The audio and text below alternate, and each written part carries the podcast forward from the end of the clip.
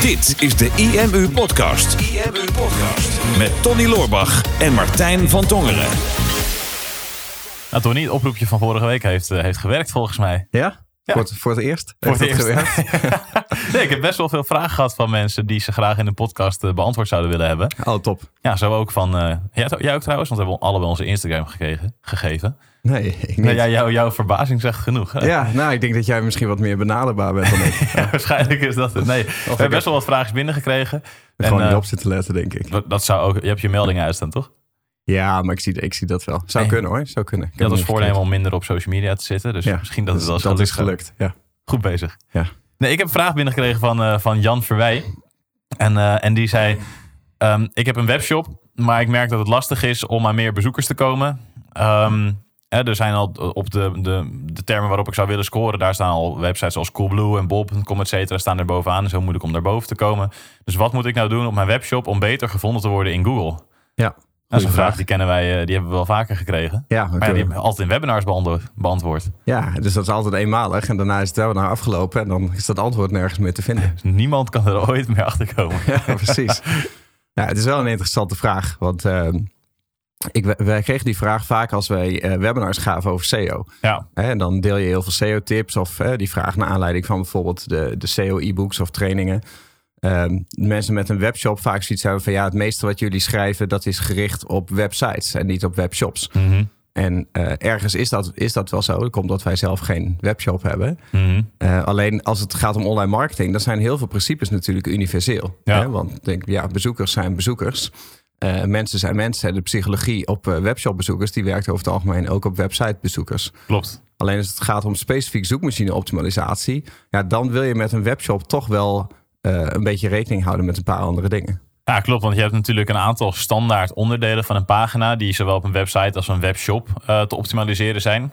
Denk aan de paginatitel bijvoorbeeld. Denk aan dat je een plaatje, dat je daar een goede alternatieve omschrijving aan kan geven. Dat je de bestandsnaam van het plaatje optimaliseert op de zoekterm waarmee je gevonden wil worden.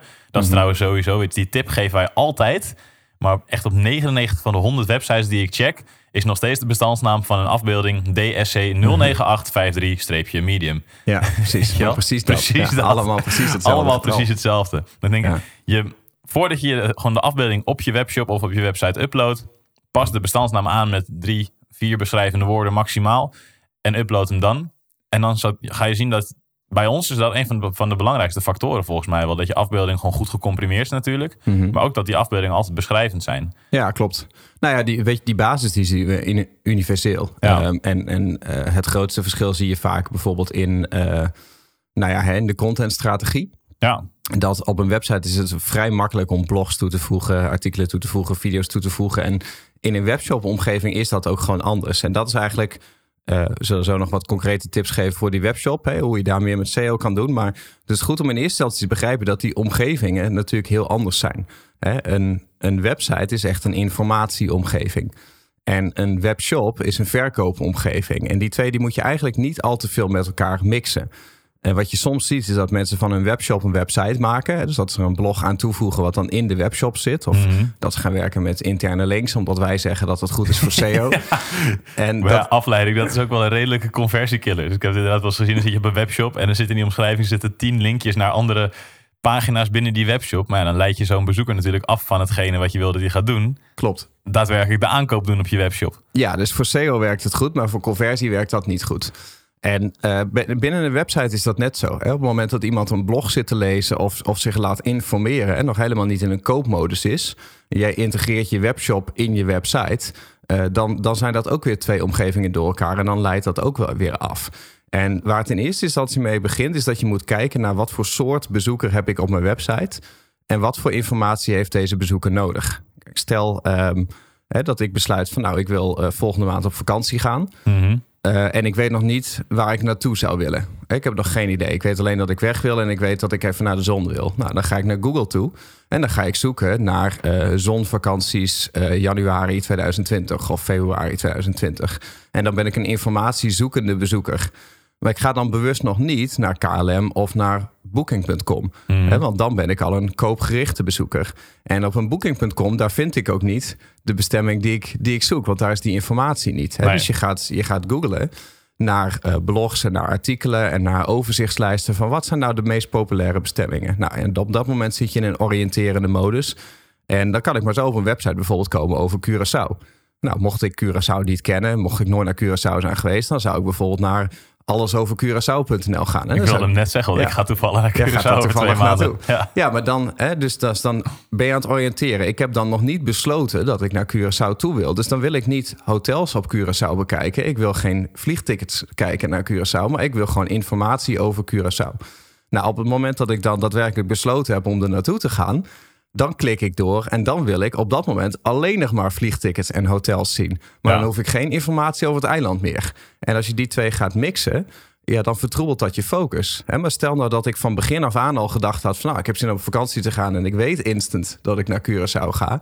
Ja, dan ga ik via Google het liefst naar een webshop omgeving, zoals een booking.com die er volledig op is gericht om mij het beste aanbod te geven. Ja, precies. Dus eigenlijk wat je, als je, als je een webshop hebt, en wat ik vaak zie is als mensen beginnen met ondernemen en ze weten niet precies wat ze, wat ze zouden willen doen of wat ze zouden willen verkopen. Oh, dan begin ik wel een webshop, want dan kan ik spullen verkopen. En dan is het een soort van switch die je om kan zetten. Ik heb een webshop en ik druk op aan en nu regenen de verkopen binnen. Ja, was het maar zo. Ja, was het maar zo. En dan komen mensen er meestal achter van, oh, dat werkt dus niet zo, want er zijn ja, honderdduizenden webshops in Nederland. Ik denk misschien wel miljoenen. Mhm. En er is, er is natuurlijk superveel concurrentie, maar je hebt maar zo'n klein stukje van het zoekverkeer wat je pakt met een webshop. Want het is inderdaad mhm. de mensen die al de pinpas eigenlijk in de hand hebben en klaar zijn om iets aan te schaffen. Die staan, gaan in Google een koopgerichte zoekterm doen.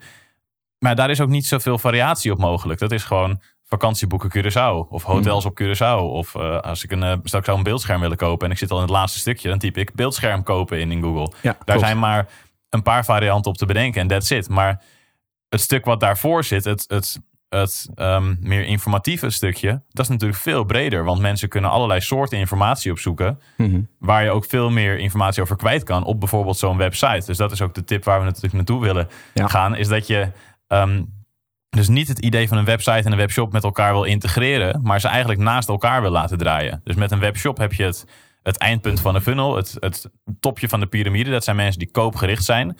Maar het percentage mensen wat informatie zoekt over het onderwerp is zoveel groter, waardoor je een veel groter stuk van de markt kan pakken. Als je daar ook een website voor zou hebben. Ja, maar dat is, je moet het wel in de juiste volgorde doen. He, dus hè, jij zegt uh, net als uh, je, zijn, je zei net iets met kopen. Ja. Uh, wat wil je kopen? Beeldscherm. Beeldscherm kopen. Kijk, en dat is best een interessante. Als jij uh, daarmee begint, je hebt alleen maar een webshop en je verkoopt beeldschermen, mhm. dan wordt het al interessant om zelfs bijvoorbeeld naar je domeinnaam te gaan kijken. Want heb jij beeldscherm.nl of heb je beeldschermkopen.nl? Ja. Waar wil je op gevonden worden in Google? He, wil je gevonden worden op het woord beeldscherm, waar veel meer op gezocht wordt? Mhm. Of wil je gevonden worden op het zoekwoord beeldscherm kopen, waar veel minder op gezocht wordt? Maar de mensen die daarop zoeken, dat zijn wel de bezoekers die je moet hebben. En dat, dat is eigenlijk stap 1. Om te kijken van hè, uh, welke zoekterm, hè, dus mijn product, inclusief het woord bestellen, kopen, shoppen, dat soort woorden. Dat is mhm. hoe Coolblue ook is begonnen. Ja. Hè, met dat soort woorden. Gewoon heel relevant dat je zegt van... hey, jij zoekt dit product, je wil dit product kopen. En mijn hele webshop staat in het teken van het kopen van dit product. Dat is stap 1. Ja. En als je die bezoekers bedient en je zit dan aan je plafond... Eh, dan wordt het nuttig om te gaan uitbreiden met andere woorden. En dat kan je in eerste instantie bijvoorbeeld doen met, met Google Ads. Hè, dat je heel makkelijk kan testen van... wordt erop gezocht op dit zoekwoord... Hè, een, een afgeleide van je eerste woord... Ehm, en komen die mensen daadwerkelijk naar je webshop en kopen ze ook. Mhm. En pas als je dat hebt, dan ga je eigenlijk nog breder. En dan ga je naar de langere zinnen. Dan ga je naar inderdaad de informatiezoekende opdrachten die niet direct gerelateerd zijn aan je product. Ja. Maar waarvan je denkt van nou, als mensen hier informatie over zoeken, dan zullen ze wellicht ook geïnteresseerd zijn in mijn producten. Ja, precies. En dat is grappig. Een van onze klanten die we wel vaker als voorbeeld ook aanhalen natuurlijk in onze trainingen is Maaike. Zij is ook ooit zo begonnen. Ze had een webshop met oefenboekjes rekenen, aandacht voor rekenen.nl. Mhm. En daar zat zij op een gegeven moment aan de plafond. Want oefenboekjes rekenen, rekenboekje kopen en allerlei van dat soort zoektermen. Nou, daar scoorden ze mee, daar haalden ze bezoekers mee, draaiden ze al een leuke business mee. Maar ze dacht, ja, er zijn zoveel mensen met een kind op de basisschool die gebaat zouden zijn bij zo'n boekje. Mhm. Maar ja, die zijn niet allemaal op het punt dat ze denken: oh, ik ga nu een oefenboekje rekenen kopen. Soms moet je mensen ook op het idee brengen dat er überhaupt een dat het überhaupt zou kunnen dat je naast school mensen nog uh, je kinderen zelf zou kunnen bijleren door zo'n boekje aan ze te geven. Ja, en, en dat is eigenlijk de, de combinatie van zeg maar contentstrategie en ja, uh, ik weet er niet een Nederlands woord voor, maar educational sales. Ja. Of ja, ja, iemand, ja, iemand opleiden tot klant Dus dat is letterlijk iemand die heeft gezocht op eh, wat is een fijne vakantiebestemming voor februari. En dat heb jij als titel van je blog gebruikt. Hè? Bijvoorbeeld eh, eh, vijf populaire vakantiebestemmingen voor februari is de titel Mhm. van je blog. Nou, daar heb je een mooi blog met informatie over geschreven. En dan vervolgens geef je in het blog het advies van nou, ehm, je moet zelf maar kiezen. Maar als wij een advies zouden mogen geven, dan zouden we je aanraden om naar Curaçao te Dat is gaan. precies mijn customer journey ongeveer Ja, geweest. Ik heb gezocht naar zonvakantie februari. Oh ja, ja nou dan kwam je op een blog waarschijnlijk. Ja, klopt. op een was artikel. Ja, was een blogartikel met de top 10 eh, vakantiebestemmingen. En daar stond dan inderdaad eh Kaapverdië stond daarin. Daar stond Egypte stond daarin. Er stond eh, de Canarische eilanden stonden daarin. En dus ook Curaçao inderdaad. Ja. En dan ga je een beetje kijken daarna naar temperatuur op die verschillende locaties. Dus ik, Mhm. nou, temperatuur Kaapverdië, nou, 25 graden. Temperatuur Canarische eilanden, maximaal 20 graden. Denk, ja, dat is dus niet echt 100% een zekerheidje. Nou, temperatuur Curaçao, 30 graden. Denk, oké, now we're talking. Ja, precies. Dus Nou dat, was de tweede Ja. zoekterm. En daarna was het inderdaad, oké, eh, een goede hotels op eh, Curaçao. Ja, klopt. En, eh, en, en, en dan, dan verandert inderdaad die customer journey. En dat is ook interessant, want die grote websites, zoals bijvoorbeeld TUI, ehm, die werken ook heel veel met een contentstrategie. Maar dat zie je eigenlijk bijna niet. Hè? Als Mhm. jij naar TUI.nl gaat om een vlucht of een, of een totale vakantie te boeken, dan zie je geen blogs of, of artikelen of, of video's. Maar die zijn er wel. Ja, Eh, die staan volgens mij op blog.tui of op een andere subdomein. ja. Uh, en dan schrijven ze niet alleen zelf, maar zij geven dus ook iedereen die met TUI reist de mogelijkheid om daar te gastbloggen. Hè? Ze zeggen van nee, we zou je iets willen schrijven over je vakantie, dan kan je dat hier doen. En heel veel mensen vinden dat leuk om iets te schrijven en dan vervolgens een platform te krijgen of een, hè, een, een, een, een publiek te krijgen zo'n groot platform. Uh, en dan, dan schrijven ze daar gewoon als gastblogger. En dat is eigenlijk de mooiste combinatie. Wij hebben dan altijd alleen maar een website gehad. En bij ons is de webshop dan simpelweg ja, losse betaalpagina's. Omdat wij Mhm. allemaal losse producten verkopen. Maar als je echt een grotere webshop hebt, raden we ze aan, zet er een website bij. Uh, maar dan wel op, bijvoorbeeld op een subdomein. Of het maakt niet zo heel veel uit hoe je dat technisch regelt. Maar in ieder geval zo dat het een losstaande omgeving is. Ja, want je wil dus niet je, je koper wil je niet afleiden met informatie. En je wil je koper niet afleiden met uh, interne links of social media knoppen of wat dan ook. Wat goed werkt voor, voor meer engagement en dat soort dingetjes. Nee, je webshop omgeving is 100% gefocust op, het, op de verkoop. En daarom kan je daarnaast kan je met een website kan je alles doen om je bezoeker naar binnen te krijgen, om je bezoeker te verleiden, om uiteindelijk naar die webshop toe te gaan. Zodat wanneer ze ook in die webshop zitten, dat ze dan nog maar één ding kunnen doen en dat is je product aanschaffen. Ja, nou, ik denk dat we een aantal mooie tips hebben gegeven. Voor meer tips uh, luister alle andere podcastafleveringen die al online staan.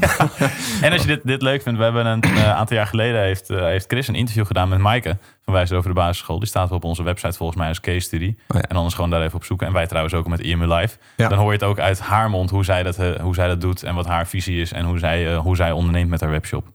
Ja, en volgens mij, dat staat in, niet meer in de huidige versie van Winnen in Google. De SEO-strategie voor webshops. Die stond Nee. in de vorige versie. Maar dan kan je gewoon op googlen. SEO-strategie voor webshops. Staan we bovenaan. Ja, daar staan we bovenaan. ja, dus met onze website, niet met onze webshop. Daar, daar kan je de tips vinden. Dus ik hoop dat je hier iets mee kunt. En ehm, mocht je nou luisteren en je denkt van... nou, ik heb ook een brandende vraag... dan eh, schiet ons even aan op eh, Instagram of Martijn of mij. Voor mij is het wel leuk, omdat ik dus nog geen vraag heb gekregen. En eh, dan voel ik me een beetje... Nou, ja, stuur toch niet maar een paar leuke vragen op. Ja, of een leuk berichtje of zo vind ik ook altijd leuk. Ja.